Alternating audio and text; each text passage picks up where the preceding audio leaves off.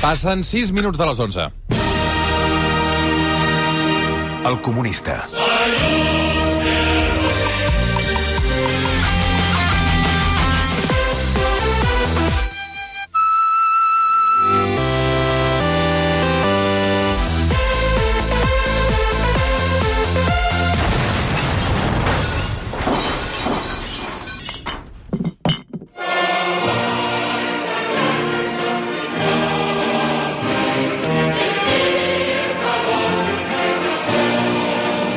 Camarada Joel Díaz, bon dia, bona hora. Hola, Roger. Com està, Joel? Molt bé, molt bé. Uh, vols un altre amic? Avui ho dic perquè l'altre dia va ser com una situació molt incòmoda. Uh, vaig, Amb que el Magí? Sí, veig que, que, va, que va ser l'entrevista que t'he vist patir més. No, no, és que és, és la mena de converses que tinc amb el Magí, Però és que realment. no fluïa la conversa. És que normalment no, no, no flueixen. No, no, jo no vaig sé. patir, se'm va fer, se'm va allargar la secció, dic, ostres, a veure... Com- imagina't que ara jo et, et, et faig una sorpresa i et poso aquí... Quin, tu tens algun amic? Sí, clar que tinc amics. Tens algun amic? No sé. Sí, sí. Tens algun amic que jo conegui? Mm, jo crec que no, perquè som de mons molt diferents. Ja, I ja, ja. entorns. I educació. Clar, tu vas... Ets, ets amic de l'Ostrell? Sí, molt. molt Doncs molt. imagina't que et poso ara l'Ostrell per sorpresa. Doncs que... ens, ho, ens ho passaríem molt bé. Ui, Ens ho seguríssim passaríem que la sí. mar de bé. Els dos nens macos de la Corpo. Va. Escolta'm una cosa, tu Digues. devies anar... Ho dic perquè venim d'entorns molt diferents, tu devies anar a la privada, no? Uh, sí. Veus? Jo vaig anar a la pública. Des dels 4 anys fins, als, uh, fins, a, fins a l'ensenyament... Es nota, es nota perquè fas moltes faltes d'ortografia. Doncs, doncs això, per això som tan diferents. Va, les consultes de la setmana. A veure, déu nhi Què? La primera consulta ens l'envia un oient que explica que treballa per compte propi, és l'Arnau Autònom, Ah. des de Barcelona. Salutacions, Joel, tinc curiositat per saber quina relació teniu els comunistes d'aquell qui ha emprès l'aventura de treballar per compte propi. -huh. Tinc especial interès pels autònoms sense treballadors al seu càrrec. Sí. En cas que les coses li vagin malament, com és el teu cas, com és el, el cas d'aquesta persona que ens escriu, No, el meu realment no ho és. eh, trobem en una sola persona la figura de l'empresari explotador que esclavitza els seus treballadors i al mateix temps hi trobem la figura del treballador esclavitzat que no obté més que engrunes com a fruit del seu treball. Com Carai. es pot revelar un autònom contra la situació que viu? Ha de fotre foc al seu propi portàtil de merda? No, I després què? Comprar-ne un altre al Media Market i, i, i recordar desgravar-se en l'IVA? Sí. Som classe obrera, els autònoms? Pregunta l'Arnau Autònom. Eh, gràcies, Joel, per la teva amabilitat. Endavant. Aviam, eh, bueno, d'entrada, escalf. Escalf, camarada Arnau, perquè sé, sé el que estàs passant. Aviam, no hi ha millor metàfora de l'estafa que és el mite neoliberal de l'emprenedoria que la imatge d'un transportista repartint paquets d'Amazon 12 hores diàries, 7 dies a la setmana, com a fals autònom, per poder pagar a plaços la propietat d'una furgoneta que suposadament l'havia de convertir en un petit empresari i l'ha acabat convertint en un esclau. Aquesta és la realitat de la gran majoria d'autònoms i- la verdadera imatge de l'emprenedor a casa nostra, i no la d'un pijo a qui son pare li ha deixat mig milió d'euros perquè els perdi jugant a les startups. Eh, qui ho havia de dir, eh?, que darrere d'aquest model eh, laboral venut a partir de la idea de la meritocràcia, de que qualsevol persona pot arribar a ser el que es proposi, de ser el teu propi jefe, de voler és poder, de que tot depèn de tu, hi havia en realitat una forma de flexibilitzar i precaritzar encara més el, el mercat laboral, eh? En fi, camarada Arnau, el primer pas ja l'has fet, ja t'has adonat de l'estafa i ara tens un ampli ventall de propostes anticapitalistes per triar i remenar aviam quina mena d'activisme s'adapta més als teus horaris. LOL. LOL. Una abraçada per l'Arnau Autònom, des d'aquí ben forta també Sí, de tot l'equip escalf, del... molt escalf. Doncs mira, es posa en contacte amb nosaltres una oient que treballa com a politòloga, és la Toni, la Toni Aire, de Barcelona. Hola, Joel, he llegit que el Partit Popular abandona la història seu, eh, la històrica seu del, del carrer Genova de Madrid. Sí. Ens escriu la Toni, eh, la seu on s'han comès una interminable llista de delictes relacionats Uf. amb la corrupció. Buf, buf. El que m'ha quedat eh, clar és que no, no m'ha quedat clar què en faran eh, de l'edifici. Si el vendran, si l'enderrocaran, ni idea. Però m'és igual. En tot cas, la meva pregunta és, si t'ho deixessin triar tu, què creus que hi podria posar allà? Que hi podríem Ah, posar? m'encanten aquestes firmat la senyora Toni, la senyora Toni Aire des de Toni Barcelona. Aire. Toni Aire. Endavant. Eh, Diu que és politòloga, la Toni. To- ah, Sí, clar, normal, no? dient-se així. Eh, Tovarich Toni, Tonyi, eh, a mi com a ferm defensor de les polítiques de memòria històrica, m'agradaria aprofitar el poder simbòlic que té la, la, la seu de Gènova del Partit Popular per emplaçar-hi alguna mena de, de memorial, o si més no, alguna cosa que en representi l'essència de, del que va ser durant tants anys l'epicentre de, la, de la misèria moral espanyola. No? Aleshores, què hi faria? Doncs he pensat bastant en el tema i hi faria un museu, vale? un, un museu on s'hi exposessin objectes representatius de la història del Partit Popular, com ara, no ho sé, per exemple, una trituradora de paper, un totxo signat per Paco Alpocero, amb una X, perquè no sabia escriure, una pedra de cocaïna, el crani de Rita Barberà, una foto de Jordi Pujol signant el pacte del Majestic, l'última sentència de mort signada per Fraga, una raqueta de Rafa Nadal o la portada del Mundo atribuint a ETA els atemptats de Totxa. Com que això no es farà, perquè no es farà, Podries afegir algun museu vivent, també, algun dinosaure encara... home, eh, Andrea Levy... Posar-li. Home, allà no, no, no crec que sigui el dinosaure més gran que hi ha, eh? Mm, Depèn del que entenguis per dinosaure. En tot cas, eh, com que aquest museu no es farà, perquè no es farà, doncs m'agradaria que per atzar, per coses aquelles del mercat, allà s'hi acabés emplaçant un puticlub. Doncs fins aquí la proposta. 3 minuts per arribar a un quart de 12. Gràcies per dir-me l'hora. La tercera pregunta ens l'envia un oient a través d'una nota de veu. Ens ha explicat que està estudiant econòmiques i que es diu Gonçal. Gonçal veu... Eh, veu Nardus. Eh, Veu diu així. Nardus? Joel, maco, com estàs? Bé. Escolta, tinc la sensació que les coses et van prou bé, Mm. de manera que el meu consell és que gaudeixis de la vida, perquè Mm. després tot se n'acaba anant a la merda, saps? I al és final tots acabem allà, al mateix lloc. A la mort, sí. Morts, vull dir. Morts, morts. Bé, anant a el que et volia dir. Parla jo aquest estiu em caso, farem una mica de, de festeta a casa amb els amics i tal, Vale. i de cara ja pensant en el divorci, aquí a Catalunya fem el que se'n diu la divisió de béns. Sí que és a dir, veritat. Tothom s'endú el seu, i tal Sí. dia farà un any. Sí, sí, sí. Però a Espanya es veu que fan allò del règim de gananciales, o sigui, que s'ho parteixen tot entre dos. Sí. I a mi la veritat és que em sembla més comunista el sistema espanyol. Però Ves. sí, és que clar, jo tinc més que ella. I si finalment anem a viure al seu pueblo, ja saps què passarà, no?, quan ens separem. Ja. Ben, bé, en fi, moltes gràcies. No sé si he quedat rata en aquesta consulta, però No, bueno, que va. endavant. Cago en Home, la p puta. Ei, ei, ei. Vinga, escapa, vagi bé. molt bé. El Gonçal veu Nardus, que, que és una mica garrepa, veig, eh? Mm, sí. Camarada Beu, Beunardus, eh, ets una rata, una rata. Tant de bo m'estigui escoltant la teva futura dona i tant de bo obri els ulls i no es casi amb tu, ruï, que ets un ruï.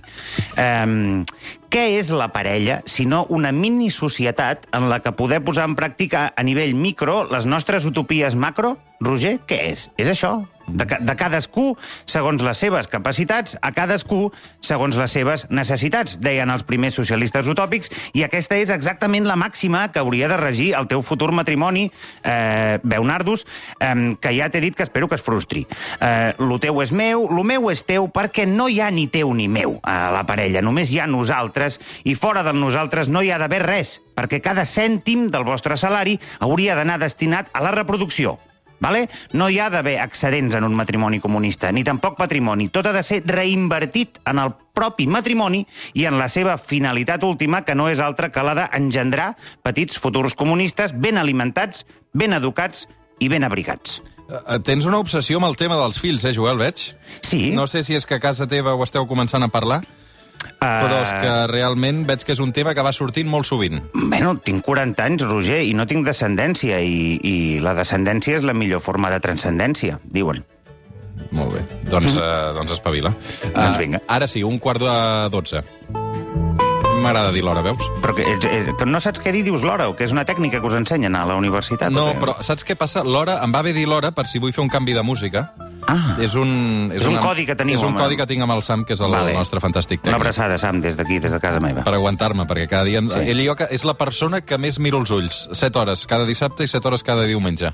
Um, això no agradarà a la Diana, Ni a, ni a ma mare, tampoc. ni a ta mare. Uh, la quarta consulta ens l'envia un oient que es diu Llum, és la Llum Santi Boira. Llum Santi Boira. Uh, bon dia, Joel. Aquesta setmana s'ha sabut que durant l'any 2020 Endesa ha multiplicat per 8 els seus beneficis, obtenint fins a 1.394 milions d'euros. Això en un context de crisi on trobem casos de pobresa energètica fa una mica de ràbia.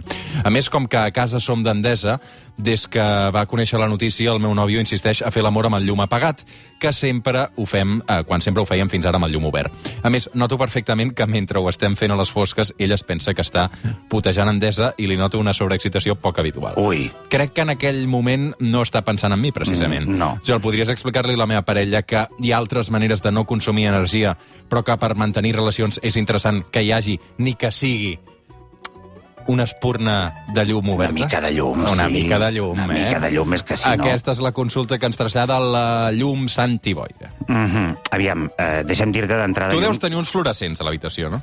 Eh, sí, i miralls al sostre, també. No, jo, jo, jo sóc de llum encès, òbviament, perquè follar amb el llum apagat només ho fan dos tipus de persones. Els qui els fa vergonya el seu propi cos o els qui els fa vergonya el cos de la seva parella.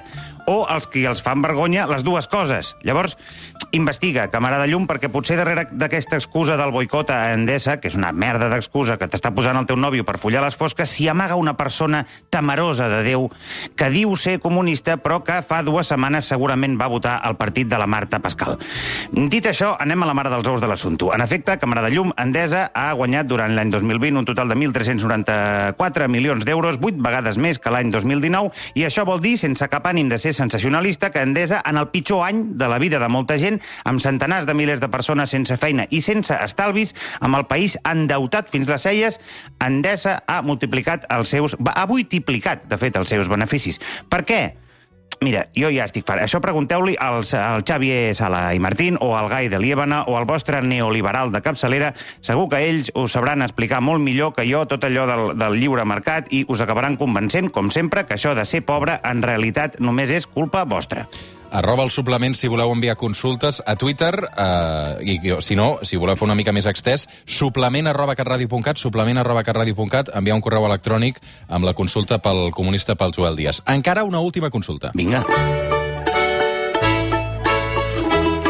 A veure, ens escriu eh, des d'Igualada, com està Joel? Abans de la pandèmia, quan vivíem a l'estil de l'antiga normalitat, una de les discussions més recurrents amb la meva parella arribava el dissabte a la tarda quan em proposava sortir a fer un vol. Clar. A mi m'agradava passejar per eh, un parc o pel bosc o pel carrer, però ell sempre volia anar a un centre comercial, la Oh, maquinista, la concretament. maquinista, de més. Eh, per caminar entre franquícies. Gent cridant, adolescents eh, esnifadors de cola i vigilants de seguretat. Bueno, quan ho sí. fèiem, acabàvem comprant alguna cosa que no necessitàvem i ja se'ns feia el vespre. Ja ho veus, el consum com a forma d'oci. Mm. Ara, amb la pandèmia, fa molt temps que no anem a centres comercials i la relació ha millorat. Ara, però, el Procicat ha anunciat que els reobrirà de dilluns a divendres. Sí. La meva parella ja està esperant tornar a la maquinista amb l'agreujant que ara amb la crisi no té ni un duro. El colmo serà tenir el consum com a hobby eh, sense poder consumir. Sí, quina Què puc- paradoxa, eh? Què puc fer, Joel? Com hem arribat al punt que passejar per un centre comercial s'hagi convertit en una activitat de lleure com qui fa ciclisme o articles de bijuteria amb càpsules de Nespresso xafades? Consulta que ens arriba des d'Igualada. Endavant, Joel. Bé, bé, primer petit incís, eh, prou de bijuteria amb càpsules de Nespresso aixafades, vale? és tot horrible. És impossible que d'allò en surti alguna bonic. Per tant, deixeu de fer el, aquestes merdes que feu, aquests collarets lletjos. Eh, dit això, camarada Diana, enhorabona, has fet honor al teu nom amb aquesta pregunta. El, el consum com a forma d'oci, tu ho has dit, la, la lògica del capital regeix no només el temps de treball, sinó també el temps fora d'ell. Llavors, què passa? Doncs que el teu nòvio està alienat, Diana, i el que has de fer és ajudar-lo, tu que sembla que no ho estàs tant. D'entrada, tingues clar que no és culpa seva. El teu nòvio, com la majoria de les persones, ocupa fatal el seu temps lliure o es queda sense fer res i, conseqüentment, cau en allò que es diu el tedi i, i l'angoixa o es llença a un frenesí consumista d'activitats insensates i compres absurdes. L'oci és un art avui en dia, Diana. Gairebé tots sabem treballar, però són poquíssims els escollits que sabem quedar-nos sense fer res. Això és degut al fet que tots ens van ensenyar a treballar a l'escola, sense anar més lluny, però ningú ens ensenya en lloc a quedar-nos sense fer res. I per això acabem descansant de la mateixa manera que treballem, és a dir, amb angoixa. Has d'ensenyar al teu nòvio, eh, Diana, que temps lliure vol dir viatge, vol dir cultura, erotisme, estètica, mm, repòs, esport, gimnàstica, eh, meditació i reflexió. Has d'ensenyar-lo a no fer res, Diana, i si no se'n surt, deixa'l. Passen 5 minuts d'un quart de 12. Jo crec que avui la cosa promet. Ai, madre. Jo crec que avui podem riure molt. És el Sala i Martín? Prova-ho. Vale. A l'altra banda del telèfon, una persona, comunista o no, coneguda, reputada, la identitat del qual el Joel Díaz i tota l'audiència desconeix i només la sap l'equip del suplement. Aquesta persona ja ens està escoltant i només pot respondre preguntes de sí no que li formula el Joel. Té un comodí si no vol respondre a la pregunta. Si vol fer servir aquest comodí, aquesta persona que ja ens està escoltant ha de dir volta'l. Volta'l. Endavant, Joel. Bon dia, no contestis. Ets el Sala i Martín? Voltal. No, no, jo, jo, no, no és Sala i Martín, ja t'ho dic jo ara. Vale, però ha gastat el Voltal, eh? Sí, l'ha gastat. L'ha L'ha gastat. gastat. L'ha gastat. Ets un home... Eh, vale, um, ets una persona eh, coneguda nivell que va pel carrer i la gent se'l queda mirant molt fixament? Sí. Vale. Surts per la tele habitualment, entenc. Mm, sí, no. Et consideres un artista? Sí. Et consideres un artista. Molt bé. I tant que ho és. Ets català? No. Eh, ets català segons la definició de Jordi Pujol? No. No, no, és que no... Eh, parles català? Mm, sí, no. Entens el català, és evident.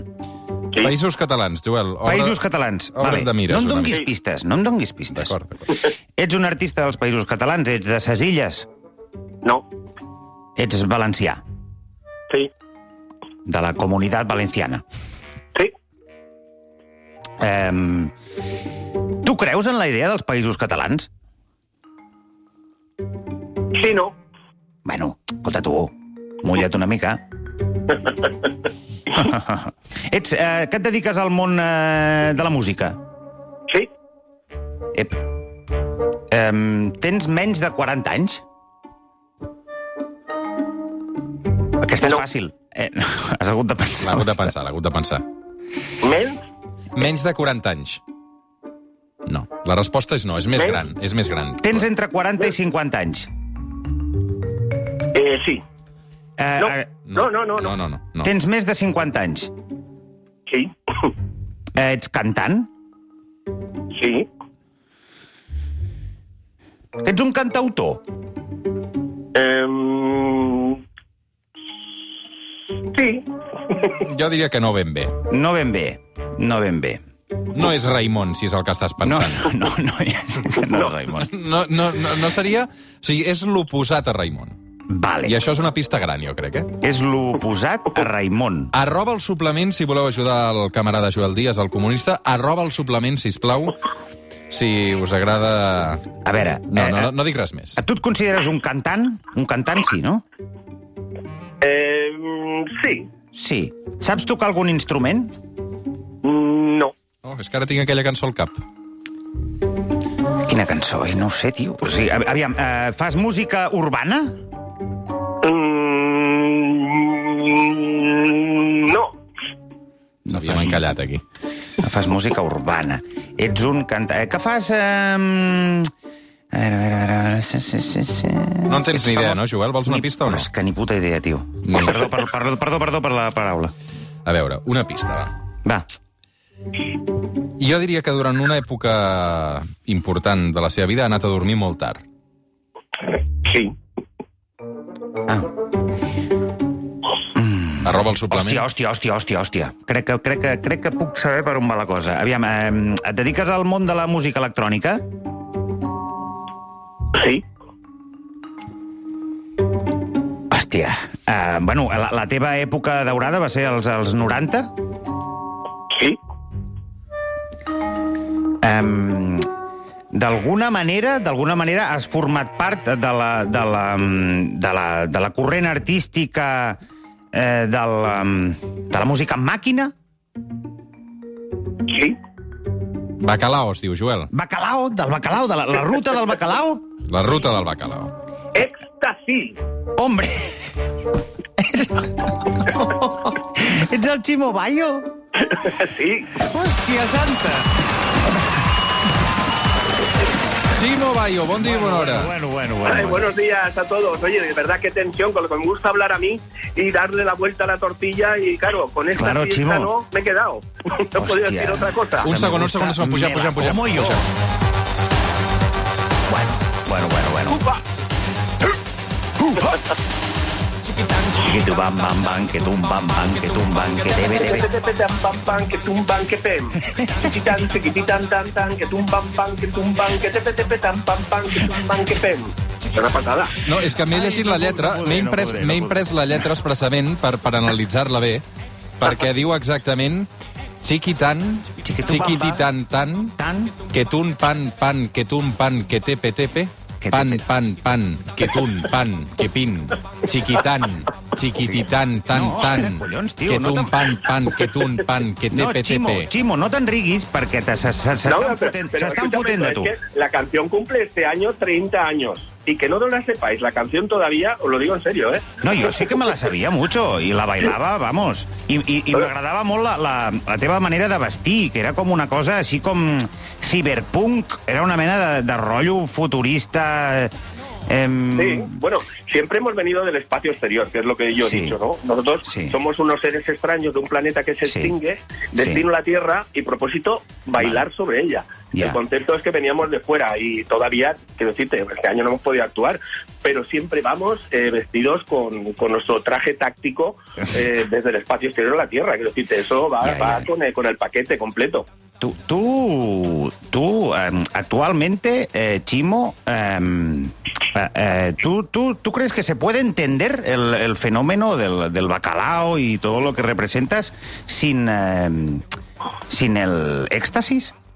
O sea, Hombre, Tú- ten tú- en cuenta que en, en esa época éramos muy felices. Éramos- Eh, fue un momento muy muy muy bueno, hombre. Yo Ya, ya, pero claro. Lo que he hecho durante todas las entrevistas durante mucho tiempo, Hmm. al final es conseguir que la ruta del bacalao sea Sí. considerada cultura. Porque Sí, sí, no, cultura eh, era. la búsqueda del placer y el hedonismo es una cosa que se ha hecho desde Absolutamente. desde, desde todos los tiempos, ¿no? Y aquí, pues sí, aquí había fiesta, por supuesto. Claro Pero que hay- sí. me hace mucha gracia cuando la gente dice, no, es que ahí en Valencia eran muy golfos. Digo, no, perdona, que venía de toda España, gente. No, hombre, yo- yo- yo- yo no- yo no venía de porque- Madrid, de, todo- de todos los países, ¿eh? jo no venia perquè, perquè, tenia, perquè tenia dos dits de front, però jo tinc amics que, bueno, baixaven amb un autocar. No, eh, no, yo te he visto a ti. Pero ahora Que no, no, que- digas que no. No, no, jo tan, tan lluny no anava. venido seguro.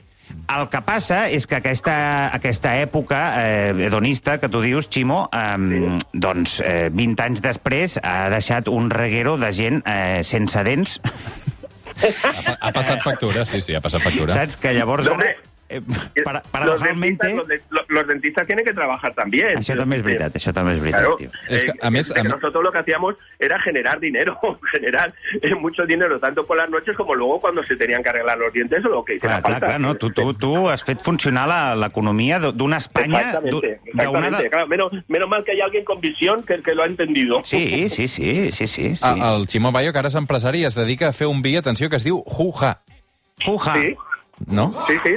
Tenemos un, un vino bobal. Bueno, ha sido este año eh, no se ha podido hacer la feria del vino de aquí, pero el año anterior nos dieron el tercer premio a la mejor eh, uva, o sea, mejor vino de uva bobal y Bobal. con bodegas Arraez, que son visionarios y que tienen nombres como Canalla, eh, Mala Perdida, ¿sabes con lo que te quiero decir? Ya, ya, Entonces, ya. el cambio este de que el vino lo bebía solo la Yester, el Marqués de Riscal o, el- o la abuela de no sé quién, Ajá. pues ahora mismo es un vino muy accesible para la gente joven, que yo creo que tenemos unos vinos maravillosos, igual que hay en Barcelona, que en Valencia también. Un, Sí, vi, sí. un vi que es pot prendre també la tia Enriqueta. Riqueta. Clar, jo tenia 12-13 anys amb tot això. Era la, era la hòstia. Vente no, no, y pero- vente de vareta con la tía Enriqueta, que va per Favereta, montada en Per- bicicleta. per- Lo único, lo único que tiene en, en valenciano es per, per Favareta, no por Favareta. Favareta es un pueblecito que estaba al lado de la discoteca de Cullera, Ajá. se llamaba El Templo, y entonces se me ocurrió hacer una cosa, como los templos tienen mandamientos, en teoría, Sí. ¿no? pues yo hice, como era un, un templo de baile, pues Sí. hice los 10 movimientos, y es una historia real, basada en una señora muy mayor, Sí? que era capaz de coger la bici, irse a comprar el pan, hacer la comida para todos los festeros, Sí. y, y esa canción es un homenaje a la gente esta que, que tiene, digamos, no la edad física, sino esa edad Sí. mental. Yo, por ejemplo, tengo casi 60, pero yo creo que tengo 18, ¿sabes? lo Sí, que o, menos, eh? Incluso... No, menos, o menos, o menos. No me acuerdo cuando tenía 18, pero, Ximo, pero, pero por Ximo, ahí. tu creus, tu creus que, que la, la, Espanya ha fet justícia a, a la teva importància mm, en, en d'aquella època? És a dir, tu ets un dels artistes més ballats i, i més escoltats durant una època a Espanya Sí. I, i, i sembla com que no... Com que pel tipus de música que feies o pel tipus de subcultura que representaves, doncs no, no, no tens el, el, el lloc en el Olimpo de los, de los dioses de la cultura espanyola que hauries de tenir. Bueno, un artista siempre que quiere que, que- que lo admiren en todos los Claro. sitios. Bueno, yo en esa época estaba estigmatizado, que es una palabra Claro. que me encanta. Entonces, cuando ibas a televisión, a entrevistas y tal, tenías que hacerte el normal. O sea, no hacerte el Claro. loco, sino hacerte el normal. Y esa ha sido la técnica que he utilizado siempre. Hacerme el normal en todas las entrevistas. Claro. Un segon, perquè és que, és que vull sentir aquesta cançó perquè a l'inici em sembla brillant, també. Dos. No movemos los dos. Tres. Lo mismo, pero al revés. Sí. Buenísima. No, no. Eres un poeta, eh, Ximo? No, i, I, Joel, Joel aquesta, aquesta tu la sabies, la de les bombes o no? Totes, totes, tio. A veure, jo t'explico, Roger. Hi havia dos, no sé si estarà d'acord el Ximo, però hi havia dos, dos, grans, dos grans papes de la religió Sí. eh, del bacalao, que eren el Ximo i el Paco Pil, no? Hombre, con Paco actuamos muchísimo. Eh, la gente se cree que, "Ay, pues es que, so- que somos enfrentados y tal. No, no, no somos compañeros y además nos lo pasamos muy bien cuando Vale. vamos a actuar. Es un gran artista en el escenario. Vale, vale. Y, y yo eh, quiero decirte que, que admiro mucho a mis coetáneos. Qué palabra más bonita. Coetáneos. Sí, sí, sí, sí. És que, mira, jo tenia aquesta sensació com que éreu els, els Beatles i els, i els Rolling Stones, no?, de, de, Pero bueno, un, poco, un poco así, sí, porque que sí? eh, son diferentes estilos dentro de, de esa historia, ¿no? Lo mío es un poquito eh, más, digamos, eh, más oscuro, Ajá. eh, las bases con acordes menores, que da un poco de miedo, las Sí. intros sobre todo me gustan Sí, mucho, sí. y Paco es más alegre, sí, es más alegre. veritat, és veritat, és veritat. Puc llegir la lletra, voy de vareta igual, ¿eh? Y él también, nos vamos de vareta todos. De vareta. La destrucción va a llegar, así que todos a gritar. ¿Lo has Sí, oído? bueno, es el canción sonido. cuando el ataque de que hubo en la tormenta del desierto, porque como fue la primera eh, guerra retransmitida, pues yo estaba en casa ahí tirado y puse la tele y veo ahí bum, y digo, o sea, bombas, bombas, ¿qué pasa? ¿Lo ves o no? Ese día, ese día escribí la canción, sí. És que ets un cronista d'un temps. Ximo, Pues ets un cronista d'un tiempo. No, no, pero d'una difícil. Era muy difícil hacer una canción sobre la guerra porque, eh, quiero decirte, eh, lo que trata es de que no haya más guerra, ¿no? Entonces es Mm. una explicación de que cuando oigo un sonido a través de la ventana, me asomo y ya no queda nada, pues ahí lo tienes, ¿no? Es, es, es una canción no bélica, sino antibelicista. Pero bueno, eh, actuar en Japón con ella y ser número uno en Japón, donde cayó la primera bomba fuerte, para mí fue una de las experiencias más grandes del mundo y es una canción que la quiero mucho porque es muy difícil hacer una canción de, de ese estilo. Uau, uau, uau, uau, uau, uau. Dentro de, to- de toda la ruta al bacalao, ¿eh? Sí, sí, sí. sí. I, escolta'm una cosa, eh, Ximo, el, a- aquí jo, jo en aquella època doncs, tenia això, 13 anys o així, i aquí a, a Barcelona i, i, bueno, i a Catalunya hi havia una escena que no era ben bé la mateixa que la valenciana, No. que era l'escena de Megatron, del xassis, del pont aeri, Sí, de l'Escòrpia, amb, el, amb el Pastis, el Wenry, el Nando Discontrol, He actuado, he actuado l'Escudero... en todas esas salas, he actuado en todas, los conozco a todos. Y Sí. bueno, ¿qué voy a decir de las personas que han compartido esa, esa época conmigo? Pues oye, unos Sí. están mejor, otros peor, pero quiero decirte, para mí el respeto siempre, porque no veas, no veas las horas que nos hemos tirado en las cabinas, Claro, las claro, horas claro. que hemos hecho felices a los demás, y para mí eso es lo que realmente me llena. Sí, El- no sé el si has recuerdo tingut- ese es muy bonito. No sé si has tingut oportunitat de veure el, el Pastis últimament. Bueno, sí, Bueno, és el que et Sí. deia abans, saps? Que l'hedonismo, doncs, clar, passa factura. Sí, bueno, eh, eh, no sé, para hacerse el loco hay que estar muy cuerdo. Es Oh, lo que eh, oh. lo que yo siempre he hecho. Oh, No, és que, a veure, el Ximo Bayo el veig en plena forma, vull dir que... No, no, no. Et deus haver cuidat aquests últims anys, Ximo, no? Sí, no, yo, es que claro, es que yo empecé muy tarde, yo empecé con 20 años a pinchar, mientras era deportista, me cuidaba mucho y irme de fiesta para mí cuando era deportista, pues unas patatas bravas y un Trinidad Anjus, imagínate, un Trinidad Anjus que ellos no se encuentran. hace tiempo, hace Quina és tiempo. la festa més bèstia que recordes, Ximo Bayo? La más bestia. Sí. Bueno, es que hay, hay muchas eh, underground que han sido, pues eso, de dos días y hay otras especiales que es ir a actuar pues a sitios como Japón, Londres o, Bueno, o- bueno. o aquí en todos los festivales que estamos. Tiene un festival muy chulo que no creo que lo conoceréis, que es el Love the Nighties, que se ha hecho ahí en, en Barcelona varias veces, también aquí en Valencia. Llevamos desde marzo sin, sin actuar, pero que cuidadito, os lo digo en serio, cuidadito el día que salga otra vez a actuar, ¿eh? Y además, ¿Sí? seguramente casi cumpliré los 60 tacos. hòstia, jo t'aniré a veure, Ximo. Hombre, es que hay Sí. que ver a Rafael y a Chimo Bayo hay que verlo por lo menos una vez en la vida. A Rafael i a Ximo Bayo. Claro. Mira, doncs tots dos han estat co- convidats Sí, del comunista. sí, senyor. Vull dir que tenim el, Sí, el doble xec. Bueno, que per Bé. cert, Ximo, no t'he preguntat eh, per política, no sé, eh, així, així, a grans trets, eh, que ja sé que ets un tio que tu viu en un, en un nivell superior de, de, de consciència. però tu ets, eh, mm, has sigut alguna vegada comunista? Eh, Pero yo, yo creo que ya sé por qué lo dices, por la gorra de CCCP que llevaba, ¿no? Claro, pero era irónica, ¿no? No, eh, Era- es una cuestión. Yo, yo veía a toda la gente con, con gorras de New York, de los de los de baloncesto, de esto, de lo otro. Sí. Y, hubo un día que yo recibía los paquetes de, de Londres cuando venía la música de importación. Y un día llegó esta gorra, Ah. que era de- del grupo CCCP, Sí. que existía en los 90, de American and Soviets y todo esto. Ajá. Y, y me la puse por ir en contra de todo. Quiero decirte, si ves mi estilo de pinchar, el estilo del espacio y todo eso, era una cuestión de- no de reivindicación política, sino de una Vale. cuestión de ser diferente a los demás. Pero lo de CCDP eh, me ha marcado, me ha marcado. La tengo aquí en casa, esa gorra, que si la vierais está absolutamente destrozada de trabajar. Pues yo la cuidaba como si fuera ahora un Claro, paño, claro. pero está toda hecha polvo de las horas, de las horas. Si, si esa gorra hablara, sería peor, peor que las paredes, ¿sabes?